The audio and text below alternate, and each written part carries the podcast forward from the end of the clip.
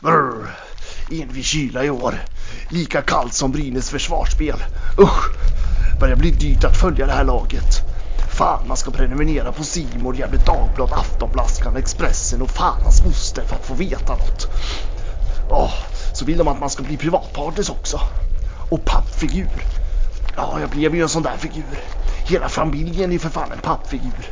Jag gjorde ju för sjutton min hund till en jäkla pappfigur. Ja, så ska man swisha. Och jag swishar och swishar. Jag ger mig sjutton på att jag har billigare bolån än antal swish i månaden. Och Brynäs kraft har man ju beställt också. Men något bättre spel blir det för fan inte. Och så vill de där två stollarna i podden att man ska gå och bli en sån där Patreon. Vad fan är det? Ah. Nåväl, det får det vara värt. Det är ju trots allt Brynäs IF vi pratar om. Ja, det är som man brukar säga, klubben är större än den enskilda matkassan.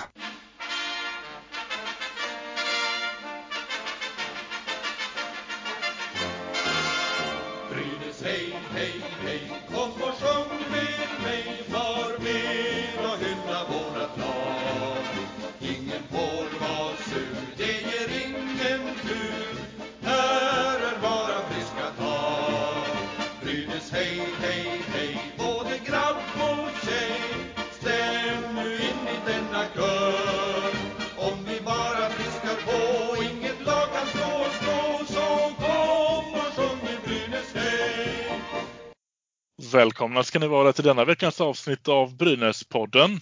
Det har ju spelat rätt många matcher sedan vi släppte senast nu. Nu är det faktiskt fyra matcher eh, sedan eh, senaste avsnittet kom ut. Eh, har du lyckats se allesammans, Viktor? Eh, jag har sett tre av fyra om jag får säga så. Jag missade ena Luleå-matchen.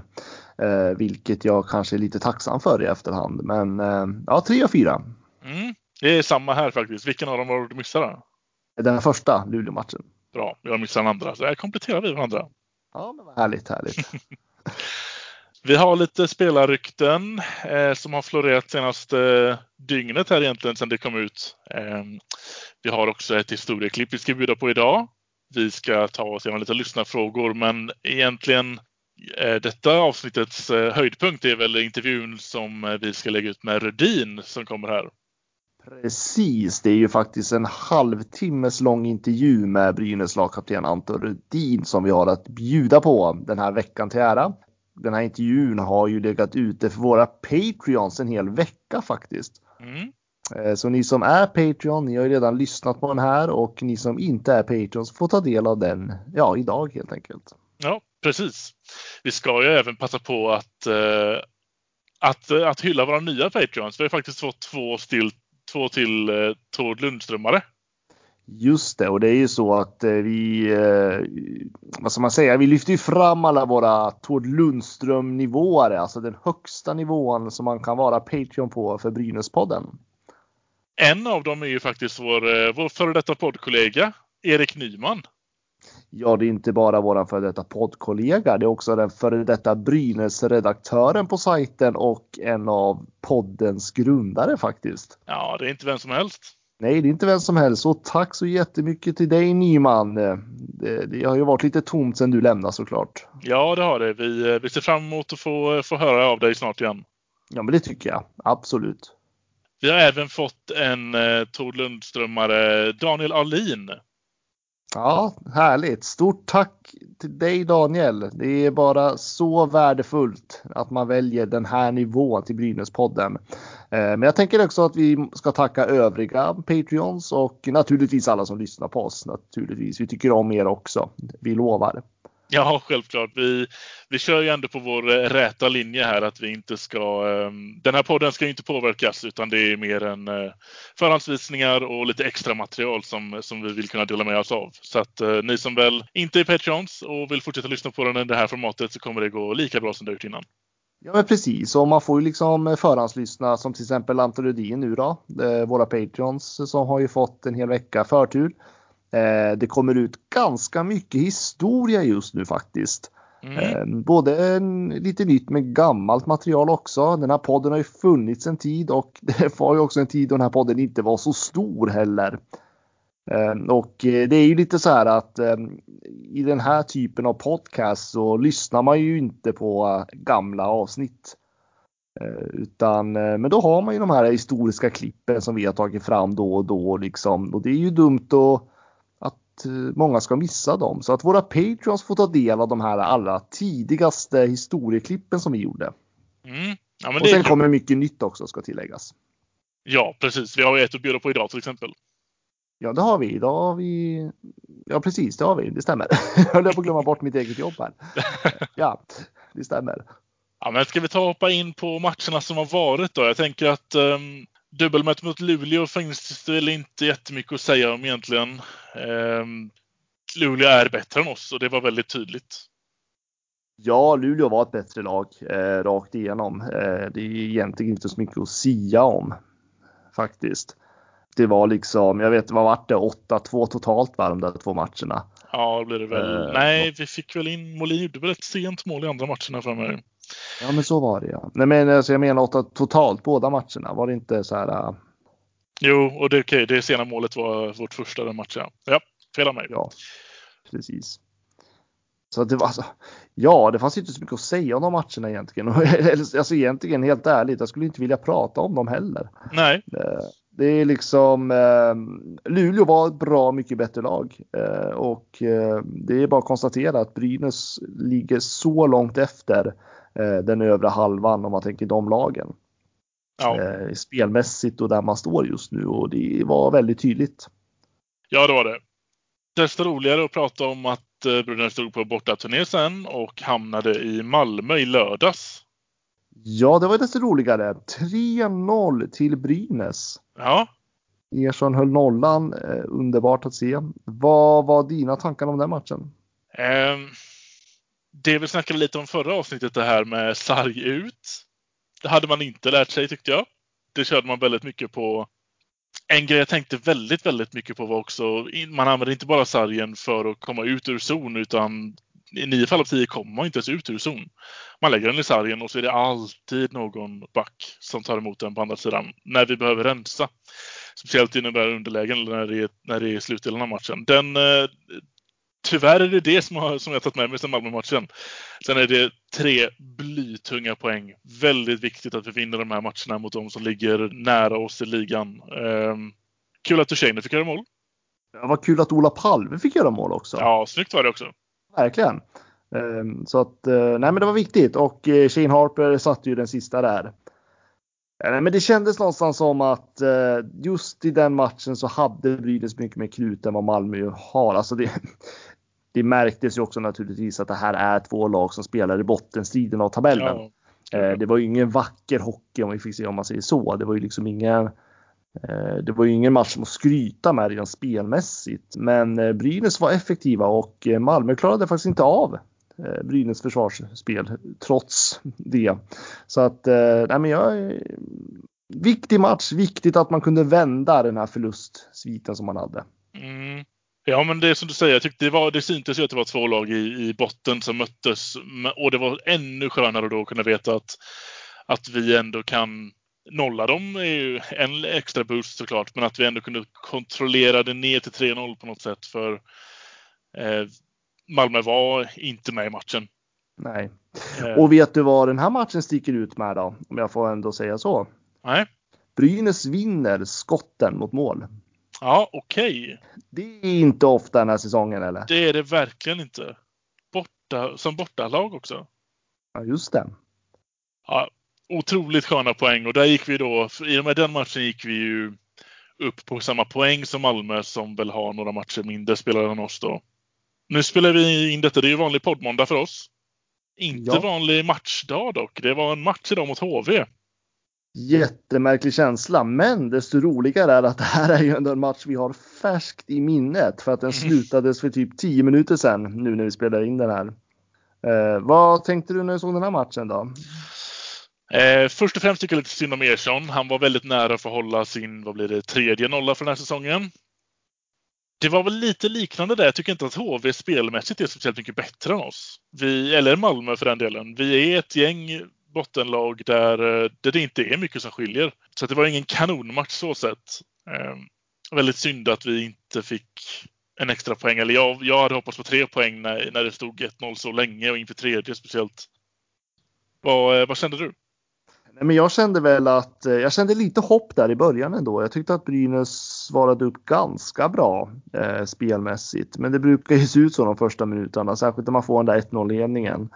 Eh, andra perioden kände man igen Brynäs igen om jag får tyvärr säga så. Och eh, jag hade verkligen ingen bra känsla inför den tredje. Jag hade lite kontakt med Oskar Gustafsson, det är alltså HV-redaktören på sajten Svenska fans. Eh, och han var ju oerhört bekymrad utifrån att eh, det är ju tydligen så att han som bevakar HV väldigt mycket menar ju på att HV eh, vinner matcher genom sina special teams och när de misslyckas där då har HV ytterst svårt att vinna. Mm. Och HV fick ju, klarade ju inte av sina powerplay helt enkelt. Nej. Och så att det var mycket bekymmer i HV-lägret också den här matchen. Men samtidigt, eh, och där tyckte jag väl ändå att jag skulle vilja berömma Brynäs just i boxplayen. Att man, alltså det var ju sjukt uppoffrande spel man gjorde ändå. Och eh, jag tyckte ändå att man höll sig rätt rörliga i boxen. Men sen spel 5 mot 5, alltså det är inte kul att se. Nej. Jag tycker jag kände, jag kände någonstans där att Alltså det fanns mycket vilja hos spelarna. Jag tyckte en spelare som, ja men ta Dan, Niklas Danielsson bara ta ett exempel. Jag tyckte att han försökte otroligt mycket. Eh, åkte kanske ovanligt mycket skridskor och men alltså det, fan, det, det finns ingen spelplan. Alltså jag, jag, jag, ser liksom ingen strategi. Jag ser ingen, man lyckas ta sig över offensiv zon och sen är det som att man inte vet vad man ska göra riktigt. Ja, det är som du säger, Danielsson tyckte jag också utmärkte sig idag. Han, han var väldigt pigg och, och, och ville spela. Eh, men det var, ska vi säga i alla fall sista tio på tredje perioden så var det bara åka upp till röda, dumpa ner den. Någon forward får åka ner och jaga lite, men vi har gett bort pucken igen. Mm. Och så var det väldigt stora delar av matchen. Då blir man lite orolig i och med att Peter Andersson nu, som vi lyssnade på intervjun efter matchen här, även sa att han tycker att vi följer spelidén. Mm. Är det detta som är spelidén? Mm. Då är det svårt. Han sa, sa, sa han inte att, han följde, att, de, att man följde spelidén i första perioden? Och sen så ja, tappade man det i andra, andra och tredje och det gjorde man ju. Eh, jag såg, ingen, alltså jag såg ingen struktur alls i den tredje perioden. Och jag blir någonstans besviken på Brynäs i det här läget. För att jag vet inte hur många skott mot mål hade HV71. De hade i alla fall 41 skottförsök efter den andra perioden. Mm, 35 nådde fram till Ersson. Och ja, på tal om Samuel Ersson, vilken jäkla målvakt han var ikväll. Ja, verkligen. Eh, det var ju han som såg till att eh, HV inte fick tre poäng med sig ikväll. Mm. Men jag blir ändå besviken på Brynäs när det kommer i det här läget. För jag menar, man är i en desperat situation. HV71 är också en desperat situation. HV71 är av våra kanske största konkurrenter i den här bottenstriden kommer man ut, man får en ledning tidigt i matchen. Det var väl bara fem minuter in i första perioden. Och sen är det som att liksom hela spelet bara försvinner. Mm. Nej, offensivt, ja spelmässigt, men främst offensivt så ser det ju väldigt uddlöst ut när vi får powerplay, vilket vi inte fick så mycket i den här matchen. Men vi fick väl en eller två i alla fall. Och, ehm, alltså den första femman vi ställer upp där, eh, den är inte skräckinjagande. Nej, den är inte. Men däremot tyckte jag andra kedjan var jäkligt bra idag. Ja, vilken som nu var andra kedjan. Det känns ju som att den byts om hela tiden. Just det, det här är andra kedjan som var fjärde för några matcher sedan. Ja, men precis. Eh. Palve fortsätter ju utmärka sig. Ja, men Palve tycker jag. Eh, alltså jag vet inte vad jag ska tycka om honom riktigt. Ingen super supercenter om jag får säga så. Han vinner tekningar i alla fall, det är han duktig på. Mm. DeShano tycker jag väl börjar ganska jämn nivå höll jag väl på att säga. Men eh, såklart skulle man ju önska att han fortsatte poängproduktionen. Och Harper tycker jag han är en av de våra bättre spelare. Men jag tyckte just att den kedjan i inledningsvis av matchen gjorde det jäkligt bra i alla fall. Mm. Och ja, det är fart när de kommer in. Ja, men sen tyckte jag att det var, det var bra fart på Danielsson idag. Sen var det väl kanske mycket tapp och eh, jag vet att Manberg, alltså Manberg och Molin där tyckte jag slarvade ganska mycket. Eh, det kändes som att de ville lite för mycket ikväll. Det tappades lite puckar. Jag tyckte alltså det var inte superdåligt, men det tappades mycket puckar. Ja, det gjorde det. Det här innebär i alla fall att vi har gått upp ett steg i tabellen. Vi ligger ju fortfarande en vinst bakom tiondeplatsen. Mm. En trepoängare då. Nu har ju Malmö två matcher mindre spelade än oss, vilket känns helt sjukt att säga. Att ett lag har mindre matcher spelade än oss. Eh, men så är det. Vi har ju fortfarande i alla fall tre matcher till godo på både HV och Linköping. Så att eh, hoppet lever. Det börjar tajta till sig nu. Ja, det är tajt alltså. Det är fruktansvärt tajt. Det är inte så många Eh. matcher kvar. Nej. Ja, men, ja, jag, sitter, jag, sitter, jag sitter och jag fastnar vid hur beroende Brynäs är av Samuel Ersson den här säsongen. Eh, Jag tycker att det, det är ett oro, orosmål faktiskt. Mm, absolut. Eh, Och det, är, det, alltså det är egentligen ett stort jäkla, en stor jäkla stjärna till Ersson, men Brynäs är alldeles för beroende på honom. Även om jag tyckte att man, idag var det bra moral i laget. Man spelade upp, uppoffrande spel, men det var ju spelmässigt inget bra. Nej, jag är lite orolig också för det här med att nu, alltså Ersson har ju ingen att konkurrera med längre nu. Eh, Andrén är ju utlånad. Var det, blev det resten av säsongen nu? Ja, det är ju Brynäs är ju på desperat jakt efter målvakt. Och vad jag förstår så är det tydligen stor brist på målvakter just nu som är lediga. Eh, Det är inte riktigt klubbarnas marknad när det gäller målvakter längre som det har varit ett tag. Eh, Och det gör ju att man blir lite fundersam på vad Brynäs kan få fram här egentligen, för det är kort om tid. Ja, det är kort om tid och då är det ju någon som kommer komma in och, och behöver leverera direkt. För det är, ja, vi har ju då 15 matcher kvar. Det är 15 otroligt viktiga matcher och vi har en målvakt som har stått hela 2021 kan man ju säga. Ja, men det har han. Nästan, det har han nä, nästan gjort. Han, minus, vad var det, en halv första period. Mm. Och eh, han, vad jag förstår så han, han har ju själv bett om att få vila. Det var ju därför Andrean fick gå in där, men det funkar ju inte. Men jag tycker, ja, samtidigt så ska ju Ersson klara av de här matcherna om det är så att han vill lyckas i andra sidan Atlanten sen. Så att eh, Ja, det här är ju någonting han, han behöver lära sig hantera det. Samtidigt förstår jag att det är ett tungt ansvar. Eh, För att han får ju ingen avlastning av någon målvaktskollega och eh, han spelar i ett lag som är otroligt beroende av honom. mm. Eh, Så att det är ju såklart, det är ju inte eh, Dels så spelar han väldigt mycket matcher, men jag tror att han sliter väldigt mycket i de här matcherna också. Han får många puckar på sig varje match. absolut. Samlat Skellefteå-försvar. Jakob Silfverberg. Men vilket mål han gör! Vilket mål han gör, Jakob Silfverberg!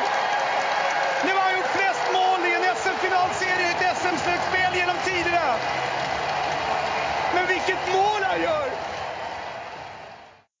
Ja, men då tänkte jag att vi skulle ha lite historia här nämligen. Du, jag måste bara fråga, hörs jag bra den här nu Fredrik? Tycker du att jag låter, låter, låter jag vack, vacker höll jag på att säga? Låter rösten bra här? Ja, rösten låter ljuvlig.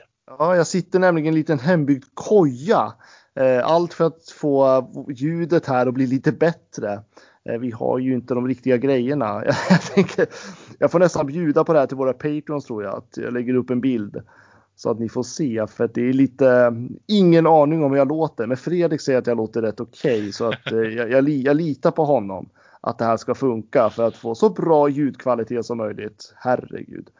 Eh, men ja, vi ska i alla fall gå in på historia och det är så här att Gert Blomé, säger det dig något Fredrik?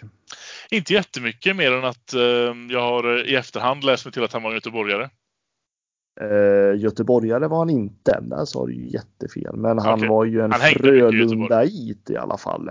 Ja. Han spelade ju faktiskt i Frölunda 11 säsonger och han var ju med och vann Frölundas första SM-guld till och med.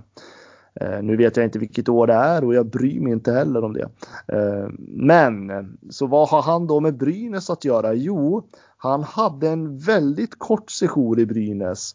Det var faktiskt så att eh, när Ture Wickberg skulle lämna Brynäs, eller han hade faktiskt lämnat Brynäs, så eh, valde Gert Blomé att skriva på för Godtemplarna. Och det här gjorde ju Ture Wickberg så jäkla förbannad att han valde att gå tillbaka till Brynäs för att starta krig mot eh, Gotte Lindberg och hans Godtemplare. Eh, så därför så kommer här en liten historik och det är först och främst för att såklart hedra Gert Blomé men också lite grann kring eh, klubbkriget mellan Brynäs och Gävle Godtemplare. Varsågoda! Hur då? Vi ska vinna! Ja, kom igen då! Ta de här jävla rätt upp och ner bara. Gert Blomé föddes 1934 i Strömsbro, Gävle. Men som uppväxt rallarbo blev det aldrig någon debut för honom i Strömsbro IF. För trots att Brynäs på Breit Hellmans initiativ började föra en diskussion med de andra klubbarna i Gävle om att inte värva av varandra så hade Ture Wickberg redan signerat med Gert Blomé och hans kompis Gösta Westerlund inför säsongen 1955-56. Wickberg hade ju Brynäs bästa ögonen och struntade i övriga konkurrerande Gävleklubbar. Men Gert Blomés flytt till Brynäs blev för mycket för Strömsbro IF som då gick i taket och krävde att avtalet mellan alla klubbar i Gävle nu skulle skrivas på. Godtemplarnas starke man, Gotte Lindberg, var förstås tveksam. Det gick ju bra för Godtemplarna som var Gävles största klubb men till slut skrev även han på, liksom Folke Sundmark som signerade avtalet för Brynäs räkning. Nu kunde alla tre klubbarna fortsätta på sina håll i lugn och ro utan att rivalerna skulle ta deras spelare. Det var i alla fall vad man hoppades på. Och samtidigt så hade Ture Wickberg bestämt sig för att lämna Brynäs detta eftersom att han kände sig motarbetad av föreningen samtidigt som han ville fokusera på hans ingenjörsfirma. Men Gert Blomé och hans kamrat Gösta Westerlund stack ut vid den här tiden. För något klubbhjärta fanns det inte riktigt och året därpå kunde man läsa om i tidningarna att de båda hade valt att lämna Brynäs för spel hos Godtemplarna. Gotte Lindberg och hans klubb hade alltså brutit mot det här avtalet och detta gjorde Ture Wickberg så rasande, så pass arg att han återvände till Brynäs och förklarade krig mot Gotte Lindberg och hans godtemplare. Gert Blomé spelade inte länge i Brynäs, men han hade ett skott utan dess like och sägs vara den första i Gävle att faktiskt skjuta slagskott något som var unikt på den här tiden. Och det var med Brynäs IF på den gamla Islandsplan som Gävleborna fick upp ögonen för denna fantastiska skytt. Och med Gävle godtemplare blev Gert Blomé och hans kamrat Gösta Westerlund två viktiga spelare som fick vara med att vara det första lag någonsin utanför Mälarregionen att vinna SM-guld 1957. Och det här året blev alltså ett förödande förlust för Brynäs som både åkte ur den högsta serien och efter Sveriges VM-guld 1957 så skriver brynäsaren och världsmästaren Hasse Eriksson på för Godtemplarna. Gävle som hockeystad jublade ju förstås, men för Brynäs blev det här katastrofalt. Gert Blomé skulle spela i fyra säsonger i GGIK, alltså Godtemplarna.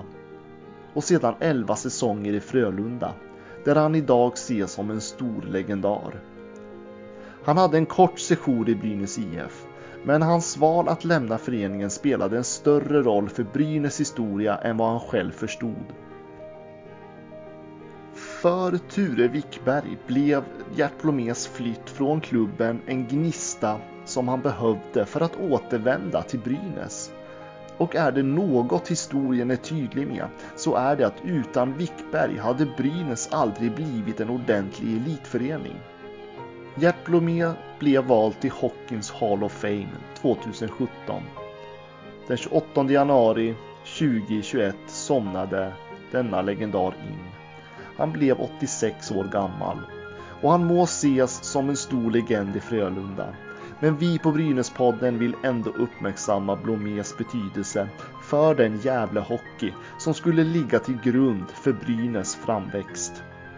För som vi alla vet att trots att Brynäs förlorade just det här klubbkriget så skulle både Ture Wickbergs och hans pojkar från tvärgatorna att komma tillbaka starkare än aldrig någonsin förr. Vila i frid Gert Blomé och tack för det du har gjort för svensk hockey.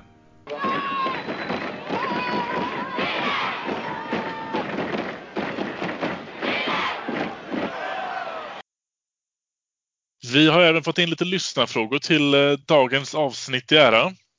Oh, det var länge sedan vi hade lyssnarfrågor. Det var det faktiskt. Så det ska bli skitkul att gå igenom lite här. Vi har, vi har ju några som går ihop med varandra från våra olika plattformar. Man kan ju ställa frågor till oss både på, på Facebook och på Twitter. Ja, och det är Brynäspodden på Facebook och Brynäspodden på Twitter. Så enkelt är det. Ja, det blir inte svårare än så. Vi hoppar rätt in i det. Vi har Jonas Rosén har kommenterat på Facebook här. Mm. Rätt eller fel att släppa Josef Ingman till Djurgården? Tycker att han har varit bättre än både Marcus Björk, Kristoffer Berglund och Niklas Andersén när han väl fått chansen. Vad känner du kring det här? Ja, alla backarna ropa upp tycker jag inte heller har varit bra. Eh, jag tycker det är helt rätt att vi släpper Ingman. Eh, jag skulle vilja släppa fler spelare.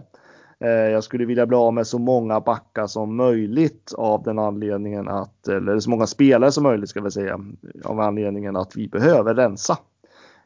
Jag tror vi har, är det inte 17 spelare vi har på kontrakt till nästa Ja, säkert. Säsong.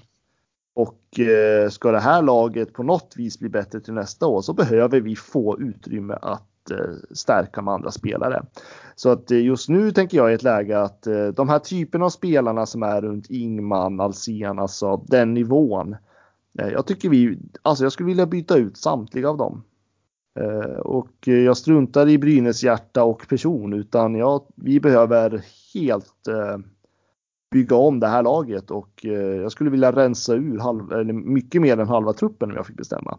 Mm. Så att jag tycker att eh, dels tror jag att det är bra för Ingman att lämna Brynäs.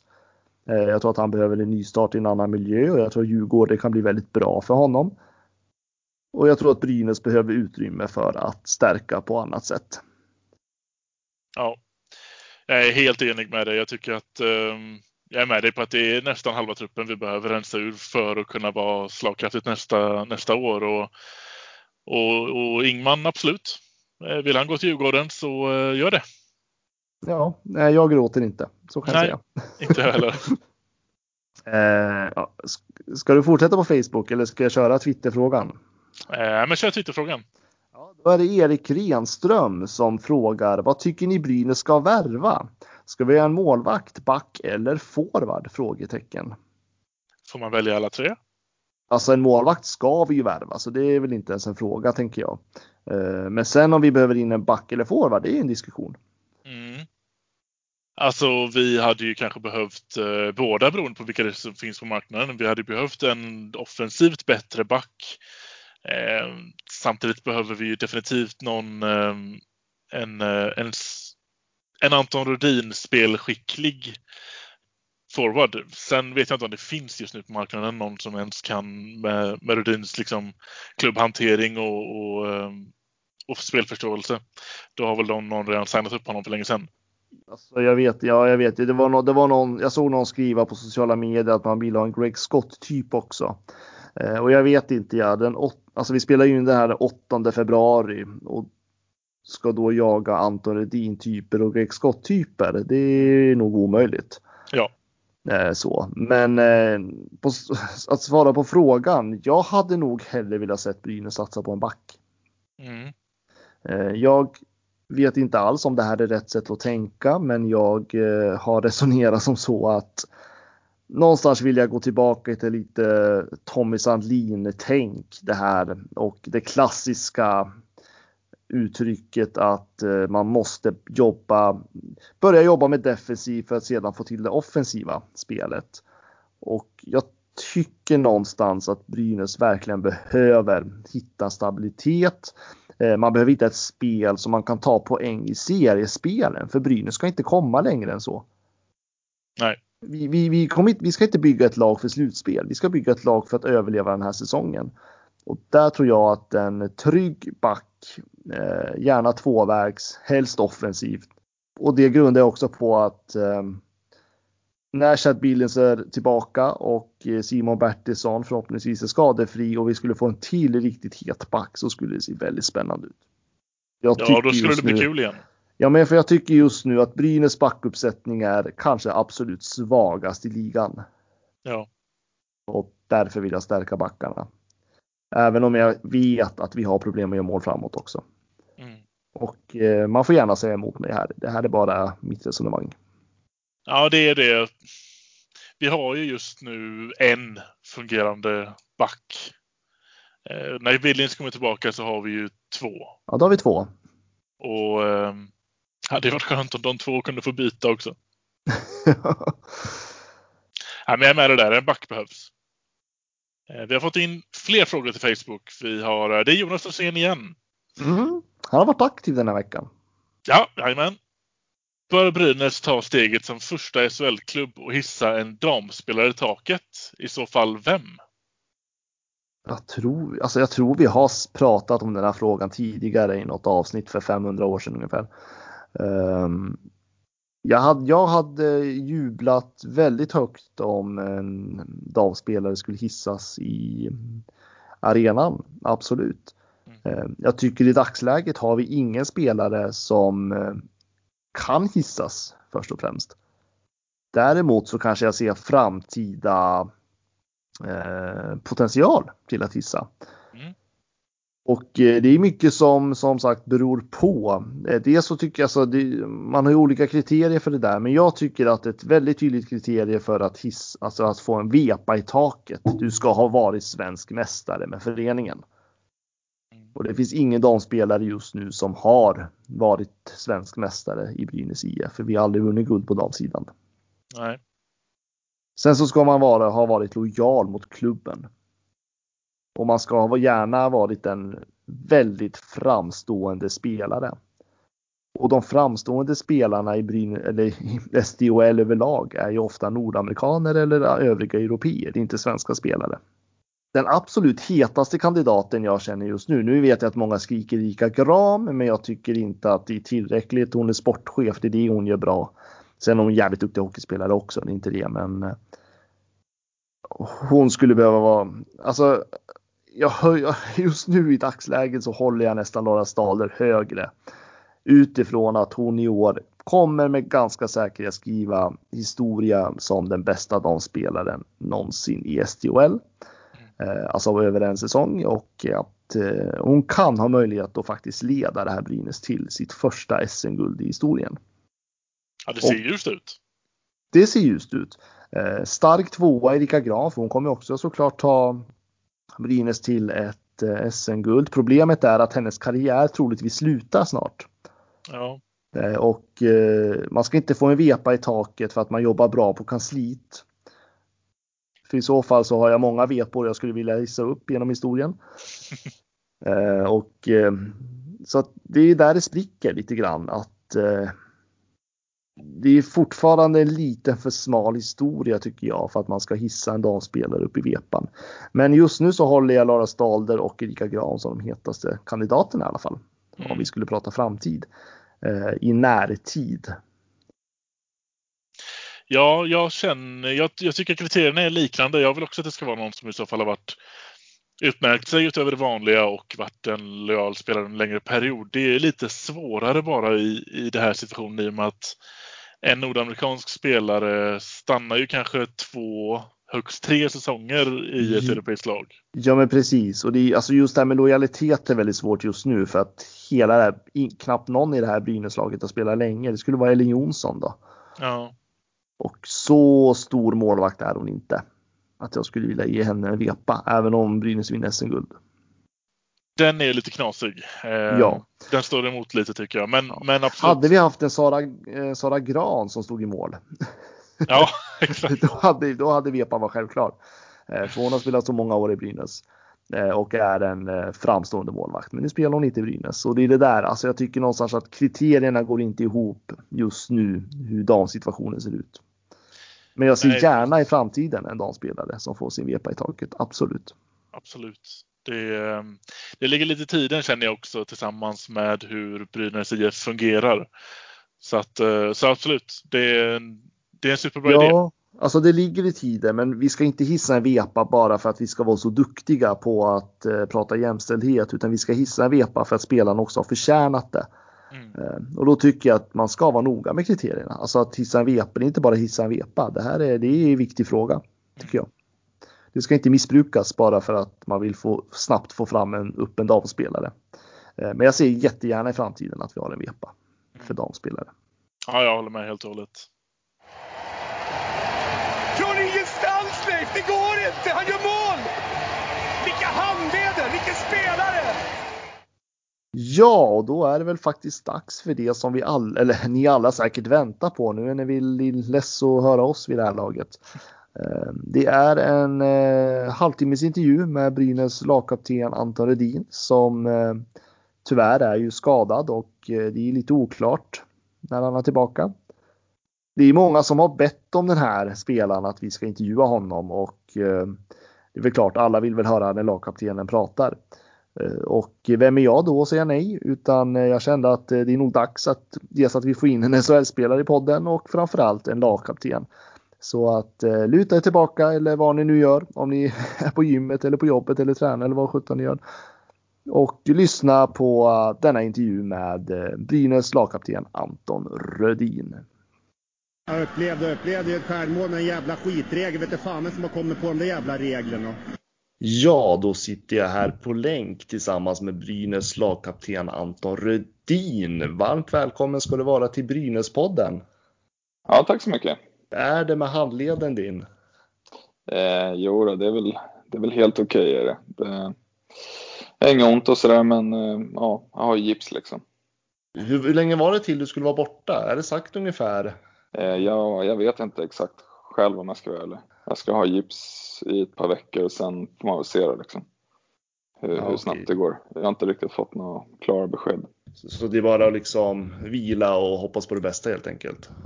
Eh, ja, jag, jag, tror det. Eh, men jag tänkte om vi skulle börja med att backa bandet lite grann. Jag tänker din resa som hockeyspelare på den här nivån. Eh, för jag tänker du lämnade ju Gävle, eller du har ju lämnat Gävle i omgångar skulle man ju nästan säga.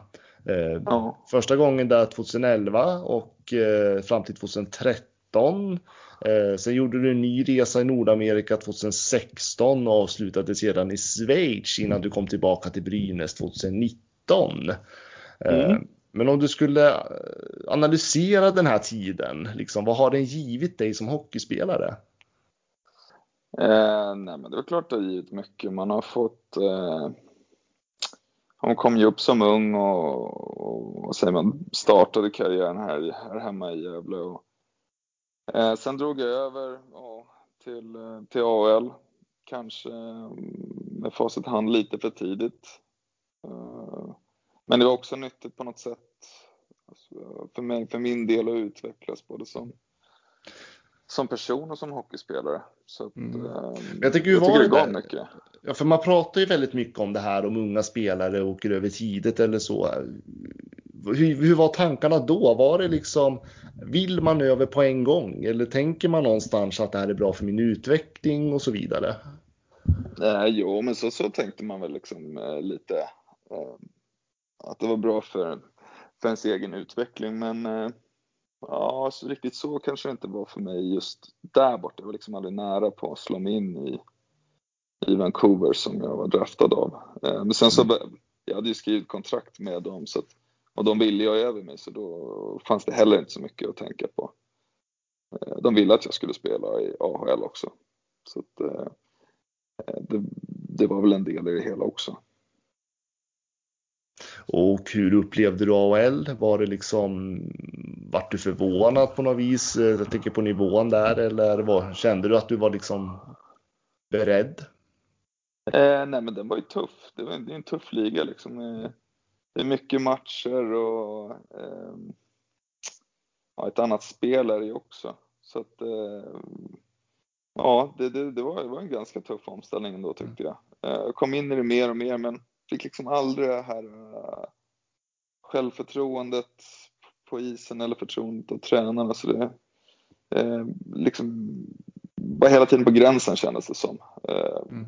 Fick spela powerplay men inte så mycket och, och, och sådär. Så att, ja, vi, vi hade ett bra lag också. Vi hade ju många veteraner som var jäkligt duktiga så det var svårt att få, få istid också för den delen. Mm. Ja, det var en tuff konkurrens där borta. Absolut. Men du kom tillbaka sen eh, till Sverige 2013. Eh, och sen så var du återigen tillbaka till Nordamerika 2016. Eh, antar att du var ju lite mer förberedd då också. Eh, du provade ju också där vid NHL en stund. Eh, kände du där någonstans att du var liksom, du var väldigt nära på att eh, ta dig till NHL eller hur? hur Ja. resan där? Ja, men de tre åren som jag hade hemma byggde mig verkligen som hockeyspelare skulle jag säga. Eh, Jag fick ju ha tre, tre väldigt bra år hemma i, i, i Brynäs och sista var väl det bästa också. Eh, Men sen så fick jag ju den här skadan på knät och åkte över dit och ja, trots att det var liksom knät var ju, vart ju aldrig bra om man säger. Mm. Eh, Så, så hade jag en bra försäsong och, och tog plats i laget. Så tanken var att jag skulle starta där från början. Mm.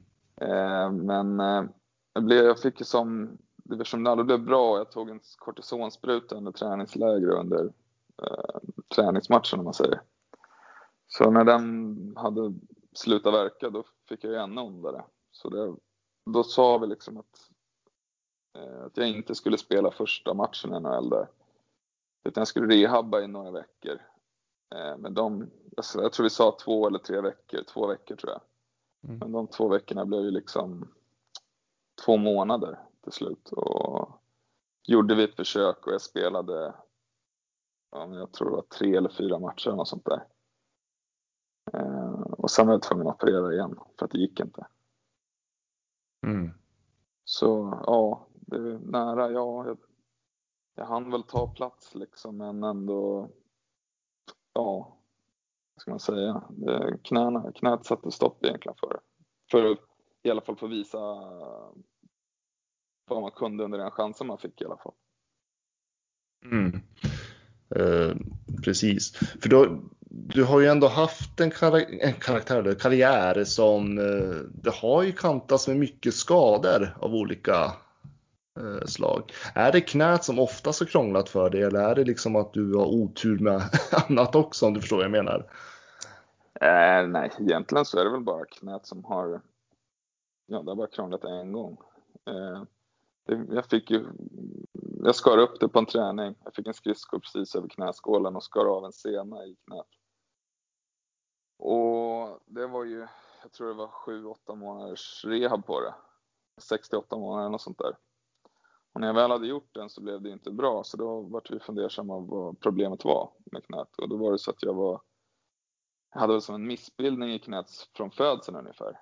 Eh, att den var, knäskålen var i två delar istället för en solid del. Ehm, så då var jag tvungen att göra en ny operation för att plocka bort en, en bit av knäskålen så att säga. Så hade jag inte haft det från födseln så hade det kanske funkat med den efter den första operationen. Förmodligen. Mm. Så det var egentligen därför jag aldrig blev bra. Och efter det, efter jag gjorde den sista operationen så har jag väl, har jag inget problem alls eh. Så du har, du har inte känt av den alls då? De Nej, senaste åren då? Nej, inte när jag spelar hockey. Nej. Eh, Det kan vara i vardagliga livet mer liksom att man ja, sitter i en bil länge eller flyger långt. Du vet när man måste ha knät eller benen böjda länge. Det är bara då. I hockeyn så har jag aldrig känt det. Det är snarare tvärtom att jag är starkare med mitt vänstra ben än vad jag är med mitt högra. Antagligen för att man kör så mycket rehab liksom och eh, ja, extra träning på det helt enkelt. Ja, men precis.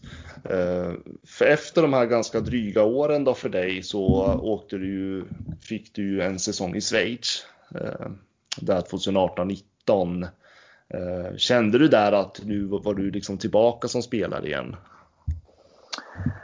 Eh, jag gjorde ett sista försök i, eller ja, jag var i Utica också. Jag signade om efter min operation där i Vancouver och, och sen vart jag nedskickad. Det var väl, ja, de hade väl kanske inga planer på att jag skulle vara med i laget. Samtidigt som jag kom från en till knäoperation. Det var väl inte det bästa fysiska formen liksom i, jag hade inte kunnat åka skridskor någonting liksom. Ja, just det. Ehm, så då beslutade jag att åka till Schweiz. Ehm, jag tror jag åkte, i kom i november eller sånt där. Så körde jag där i ett och ett halvt år tror jag. Ehm, det började ju bra första året men då skadade jag mig igen. Då bröt jag fotleden, dundrade in i sargen så det var ju surt men ja, det var, som det var. Så andra året i Schweiz där så ja, var ju vi riktigt dåliga liksom. Vi, Davos skulle ju vara ett, har alltid varit egentligen ett topplag, men vi, vi var inte bra alls. Så det var, det var ett jäkla tufft år. Eh, och jag förlorade mycket och 6-5-1 oftast liksom. Så det var, det var ju tufft på ett helt annat sätt. Och sen så kom du ju tillbaka till Brynäs igen då 2019 och skrev på ett väldigt långtidskontrakt måste man ju säga. Mm. Eh, hur gick dialogen där mellan dig och Brynäs? Men jag vet ju, vi hade ju kontakt under hela, hela tiden där egentligen. Jag, eh, jag fick ju träna i gymmet på hallen för eh, ja, sommarträning och reb och sådär och ja, pratade ju med dem lite titt som tätt och sen när de såg att jag bröt mitt kontrakt så la de såklart eh, krokar och frågade hur jag ville göra men då kände jag att jag ville eh, att jag ville pröva på lite annat också. Eh, pröva kanske Ryssland eller Schweiz och nu blev det ju Schweiz då och trivdes ju bra där. Eh, sen Ja, sen så när, när, vi, när mitt kontrakt gick ut där så var det väl om jag skulle vara kvar, stanna utomlands, men då kände jag någonstans att kanske, kanske behöver en ny start efter alla skador som har varit. Eh, och, och skönt att få komma hem då också och göra det men nu, du har ju ändå varit, du har ju spelat i schweiziska ligan och AL och sådär. Eh, hur tycker du att SHL står sig mot de här ligorna?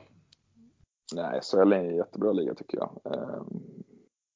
Alltså en tuff liga. Jag tror att det kräver mycket av... Vad, skil, vad skiljer SHL från de andra ligorna? Jag tror att det är så himla taktiskt drillat och många är väldigt bra på att åka skridskor. Liksom. Det är så mycket pressspel hela tiden tycker jag. Eh, mm. Det är svårt att bara vaska fram chanser. Liksom. Eh, om jag, I alla fall om man jämför med, med Schweiz, där kan du dyka upp från ingenstans egentligen. Det känns som att det är en ganska, ganska jämn nivå. Liksom. Eh, tycker jag nog. Är det disciplinerat spel? Skulle man kunna säga så? Ja, men så kan man nog säga. Det kan mm. man definitivt göra. Jag tänker om vi tittar lite grann på eh, den här säsongen som är just nu då. Eh, där har ju både du och även din forwardskollega Greg Scott har ju haft lite otur, måste man ju ändå säga. Du, för dig var det med foten där inledningsvis va? Hur är det med det förresten? Nej, det är under kontroll nu. Det är under kontroll? Ja. Mm. Jag missade väl försäsongen och en seriematch på grund av det egentligen. Så, att, så supermycket hann jag inte missa. Nej, nej men precis. Eh, och nu är du skadad. Eh, men jag tänker, hur skulle du, skulle du ändå vilja beskriva om jag tänker din kedja alltså, och din egen prestation den här säsongen? Eh, ja, nej, men det har ju varit, det har ju varit rätt hattigt eh, ändå. Vi, vi spelade ett tag, jag och Greg, och prövade olika tredjelänkar där och så eh, gick vi tillbaks till Danielsson som vi hade bra kemi med förra året. Eh, sen så har Greg varit borta i omgångar. Eh, nu är jag borta. Men eh, det, det, det, har varit bra till och från, men det har varit väldigt hattigt och sådär. Men eh, jag tycker väl någonstans att kanske fjolåret så var vi ännu skapade mer om man säger. Vi gav oss mer möjligheter att göra mer mål. Men å andra sidan så har vi producerat bra nu också. Men det har varit, det har, det har varit ganska hattigt ändå måste jag säga. Med att folk har skadats in och ut hela tiden. Mm. Ja, för Brynäs är ju ett otroligt, eh, vad ska man säga, skadedrabbat lag den här säsongen. Eh, det känns ju som att eh, tyvärr så behöver ju Peter Andersson ändra alla formationer jämt och ständigt i princip. Hur påverkas man av spelare i sånt här? Att man liksom får spela med nya personer hela tiden? Ja, ibland kan det vara positivt och ibland så är det väl eh, om du har någonting som fungerar så är det ju klart att man inte vill bryta upp det heller. Eh, vissa, vissa personer har man bättre kemi med än andra. Som, även fast de Även fast vissa är superhockeyspelare så, så kanske man inte klickar ihop. Liksom. Man kanske är för lika eller eh, ja, eller, eller alldeles för olika. Då, liksom. mm. eh, det, det, är svårt att säga. Ibland så klickar det, ibland så gör det inte. Eh, och det är, det är sånt där som bara händer då? Ja, men lite så skulle jag säga. Mm. Eh, för jag tänker, när vi ändå pratar om det där med eh, förändringar, för just ni, eller Brynäs, har ju blivit också oerhört drabbade av framflyttade matcher. Eh, Mm. Det har ju knappt varit några matcher alls över hösten och just nu pågår ju en väldigt intensiv matchschema eh, för er del.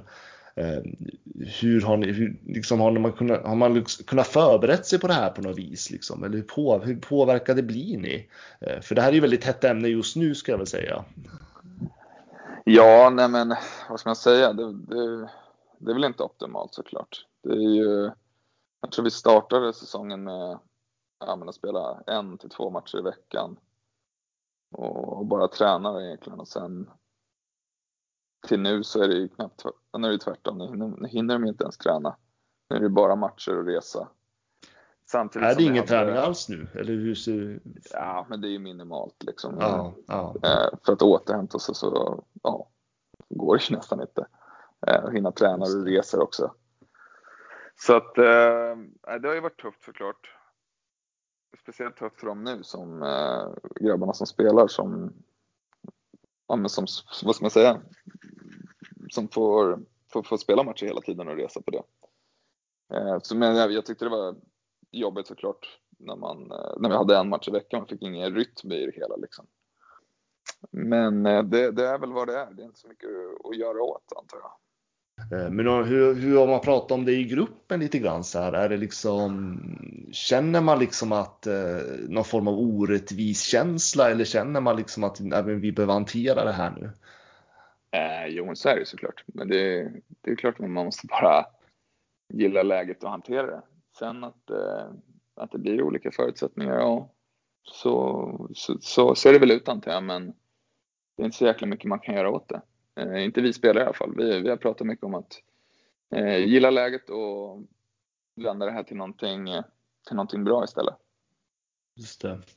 Eh, För jag tycker du är ju ändå lagkapten för det här laget. Eh, Nu är du skadad. Hur mycket är du med killarna nu? Under skadeperioden så att säga. Det är väl klart att jag inte ser dem lika mycket, men jag ser dem ju varje dag ändå. Jag är med på möten, alla möten vi har och sådär och eh, genomgångar efter matcher och så. Men eh, ja, nej, lika mycket är det inte såklart, men jag, jag träffar dem ju definitivt. Mm. Eh, För jag tänkte vi skulle gå in på det där lite med lagkaptensrollen. Eh, Mm. Jag tänker lite grann, hur, hur ser du på den rollen? Liksom? Vad, vad, vad står lagkapten för dig? Ja, så alla är vi väl olika någonstans. Det finns väl kanske inte en mall för hur en lagkapten ska vara, men eh, man blir väl vald efter de vad ska man säga, egenskaperna man, man har och som ja, en tränare gillar. Då. Eh, För mig så har det varit att eh, ja, men ge 100% att tävla oavsett om det är i i gymmet, match eller träning på is leda genom exempel antar jag. Eh, visa på isen liksom. Och, Mm. och, vill att folk ska haka på om man säger. Om man tänker både fjolåret och den här säsongen så har det ändå varit, det är ju rätt, det är ju rätt tufft sportsligt för Brynäs IF. Eh, Blir det någonstans att du känner liksom ett extra stort ansvar då eh, utifrån din roll eller liksom blir det, eller blir det naturligt i hela gruppen som hockeyspelare? Eh, nej, men det är väl klart att det, att det blir en, en press att leverera när det går tungt, ännu mer. Men det har nog inte bara med att man är kapten och så, utan vi är här, eller jag är härifrån liksom och det är några andra som, som är härifrån och bor här så det, det är väl, eh, man vill att det ska gå bra för laget liksom och för stan. Man vill, man vill, man vill vinna för, eh, för Brynäsfansen liksom. Och det, det är ju klart att det är jäkligt tufft när man, när det går dåligt om man säger. Ja, för att du, du är ju en eh, förväntad eh, toppspelare eh, så att säga. Folk tänker ju liksom om Rödin att du är ju den som ska göra poäng. Den där pressen på dig och samtidigt som det blir lite motigt för laget, liksom, på, hur påverkar det här? Hur jobbar man med det?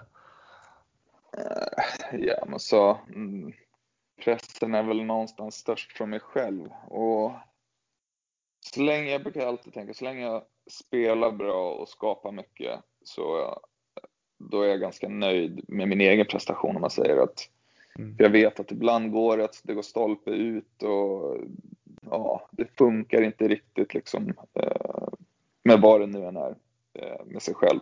Så länge man skapar och spelar bra, då, då vet man liksom att det kommer släppa till slut. Så var det förra året och man har varit med om det förr. Man gjorde inte så mycket i början och sen så poff säger det så, så går allt in istället. Eh, men eh, det är ju klart att det är, det är jobbigt när man, eh, när man förlorar mycket. Då vill man ju liksom få det där extra målet hela tiden just att representera Brynäs IF, för det är ändå en förening som det skrivs ju väldigt mycket. Eh, det pratas väldigt mycket om Brynäs IF. Experter är ju väldigt duktiga på liksom bedöma och eh, man vill ju gärna lyfta, eller prata om Brynäs IF för det, det finns ju, det berör ju väldigt mycket. Eh, mm. Det är ju den typen av föreningen liksom. Och jag tänker allt det här som står i media och skriver liksom hur, hur påverkad blir man som hockeyspelare av det? Jag läser inte sådär jättemycket faktiskt. Det är väl kanske bra då. Ehm, jag har verkligen, jag har liksom inte sociala medier så jag läser inte så mycket sånt. Ehm. Men kan du, kan du märka på gruppen någonting att man blir påverkad eller är det liksom, hamnar ni i er lilla egna bubbla så att säga? Om du förstår vad jag menar. Eh, ja, ja, jag kan inte prata för andra men för min del så är det nog så att jag, mm. jag vet ju själv vad som händer där ute. Jag behöver inte att någon förklarar för mig eh, vad jag har gjort och inte gjort. Om jag har varit dålig så, så vet jag om det mer än någon annan. Det är väl snarare att ibland kan jag tycka att jag spelar bra fast någon annan säger att man är dålig för att man inte gör poäng.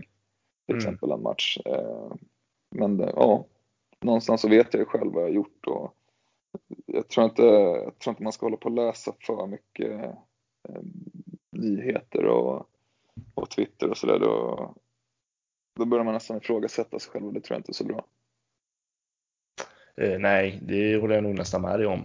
Eh, så. Men jag, jag, måste bara fråga, det är, ju, det är ju många som säger att Anton Rudin spelar som bäst när han är lite grinig på isen. Eh, när, när du är lite tjurig, stämmer det? Eh, ja, men det tror jag nog. Eh, det tror jag nog att jag gör.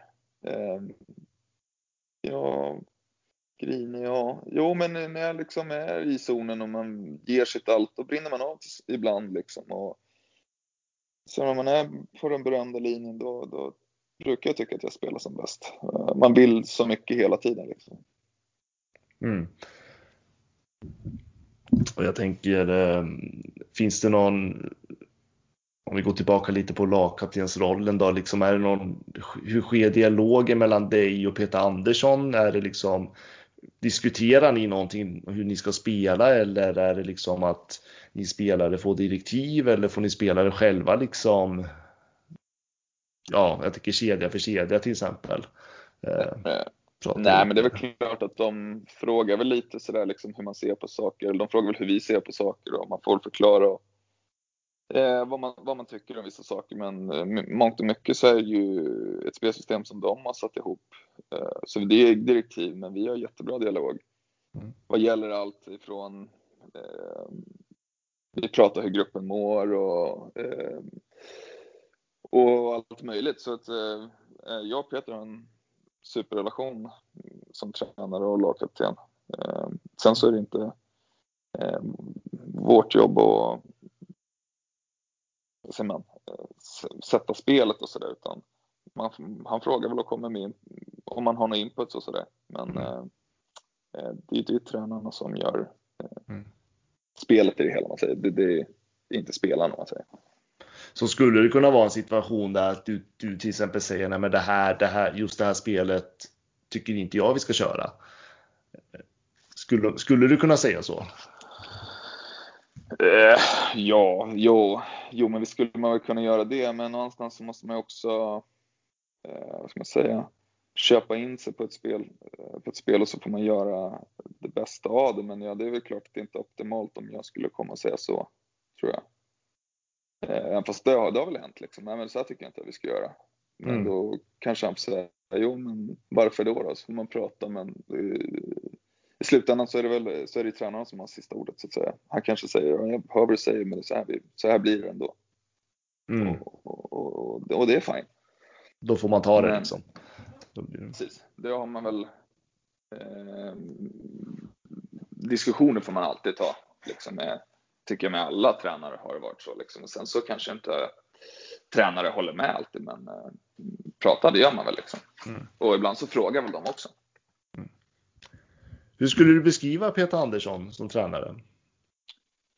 Eh, nej, men jag gillar Peter väldigt mycket. Eh, vi, eh, eh, han är, vad ska man säga, han, eh, han är väldigt duktig på, ska man säga, få igång gruppen och, och, och få, få en vi-känsla ändå tycker jag. Eh, noggrann, jobbar ju stenhårt. Hela, hela tränarstaben tycker jag gjorde. Så att, det är ingen som ligger på latsidan och hoppas på det bästa utan det, de, jobbar verkligen stenhårt. Det låter ju bra att höra ändå. Ja, men, Nej, men det är ju den bilden, det är ju eh, den bilden man har av honom är ju att han är ganska liksom rak och tydlig och ganska bestämd ibland. Eh, ja, absolut. Nej, men det, det är han ju.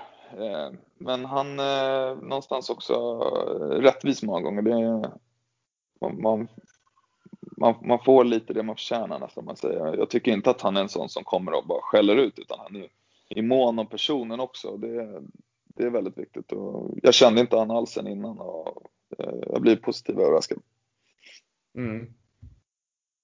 Eh, Du var ju lite inne på det där med gruppens mående och så vidare. Eh, Jag tänker för att utifrån läget som är nu då, hur mår gruppen?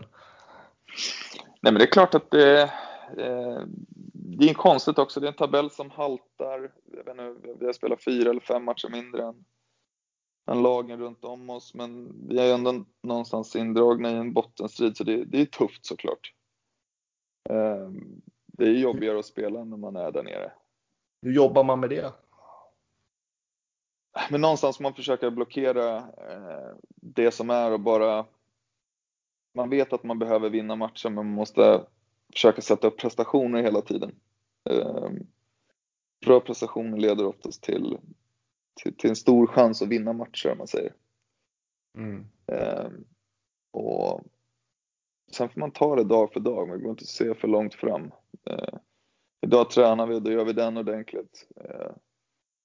Sen så är det match och då fokuserar vi på den. Man får inte se för långt fram tror jag. Leva i nuet. Jag vet inte fråga det, för blir det någonstans att man ser det där kvalstrecket liksom strax bakom sig, höll jag på att säga. Eh, och liksom blir det någon rädsla i det där eller blir det eller blir liksom fokuset att man går in i något tunnelseende och gör sin grej varje dag så att säga?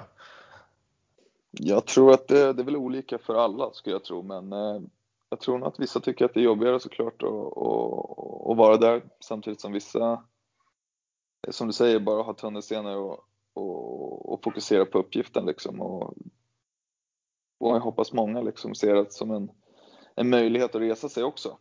Eh, Mm. För att jag tycker att vi har ett eh, bättre lag än att ligga där. Hur påverkar det dig då? Eh, nej men det är klart det är tufft. Det, man vill ju aldrig, man vill ju vinna liksom. Det, är- det är därför man håller på, man vill vinna. Eh, varje match, varje säsong liksom. Så det, det, är jäkligt tufft när man, när man har en ambition att göra det och hamnar eh, åt andra hållet istället. Förlorar mycket Mm. matcher. Ja, för, för du nämnde ju det. För ni, tittar man på pappret och tittar på liksom vilka spelare som finns i det här laget, det är ju väldigt bra lag egentligen. Eh, Det är ju namn som man ändå tycker inte alls ska vara i bottenstriden i alla fall. Eh, Men vad är det som gör att Brynäs hamnat där? Eh, ja, jag vet inte. Jag tycker att det är svårt att säga. Jag tycker att vi, vi, vi, vi visste att det skulle bli lite en omställning med, med, med nya tränare och vi tränade hårdare liksom. Och, eh, eller hårdare. Vi, vi tränade annorlunda gjorde vi. Och, eh, vi fick en tuff start tycker jag. Vi vann några matcher i början men sen så raddades det många förluster där. Vi hade många bortamatcher också. Det eh, har vi inte varit alltför heta på om man säger. Men eh, jag vet inte, det är svårt att säga vad, vad, vad det gick snett som man säger. Eh, Många men faktorer kanske.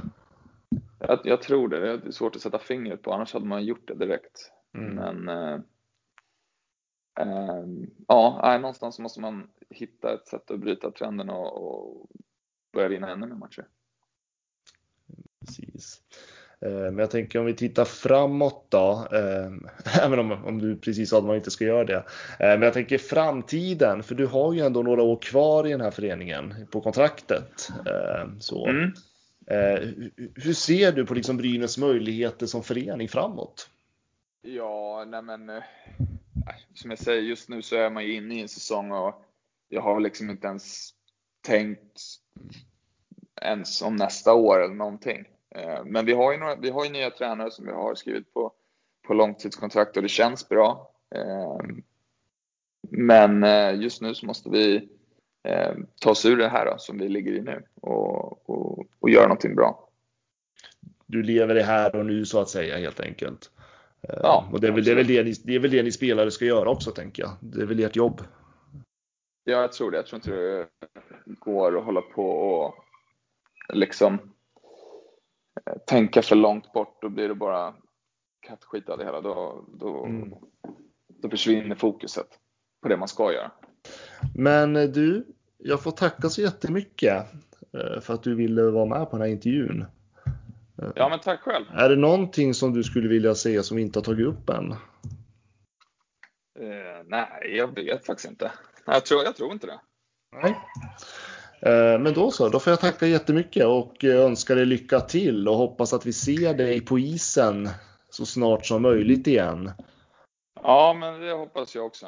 Du har aldrig upplevt något liknande eller? Nej, det är för dåligt. De tog bort den för många år sedan. Så ska de tillbaka med skiten.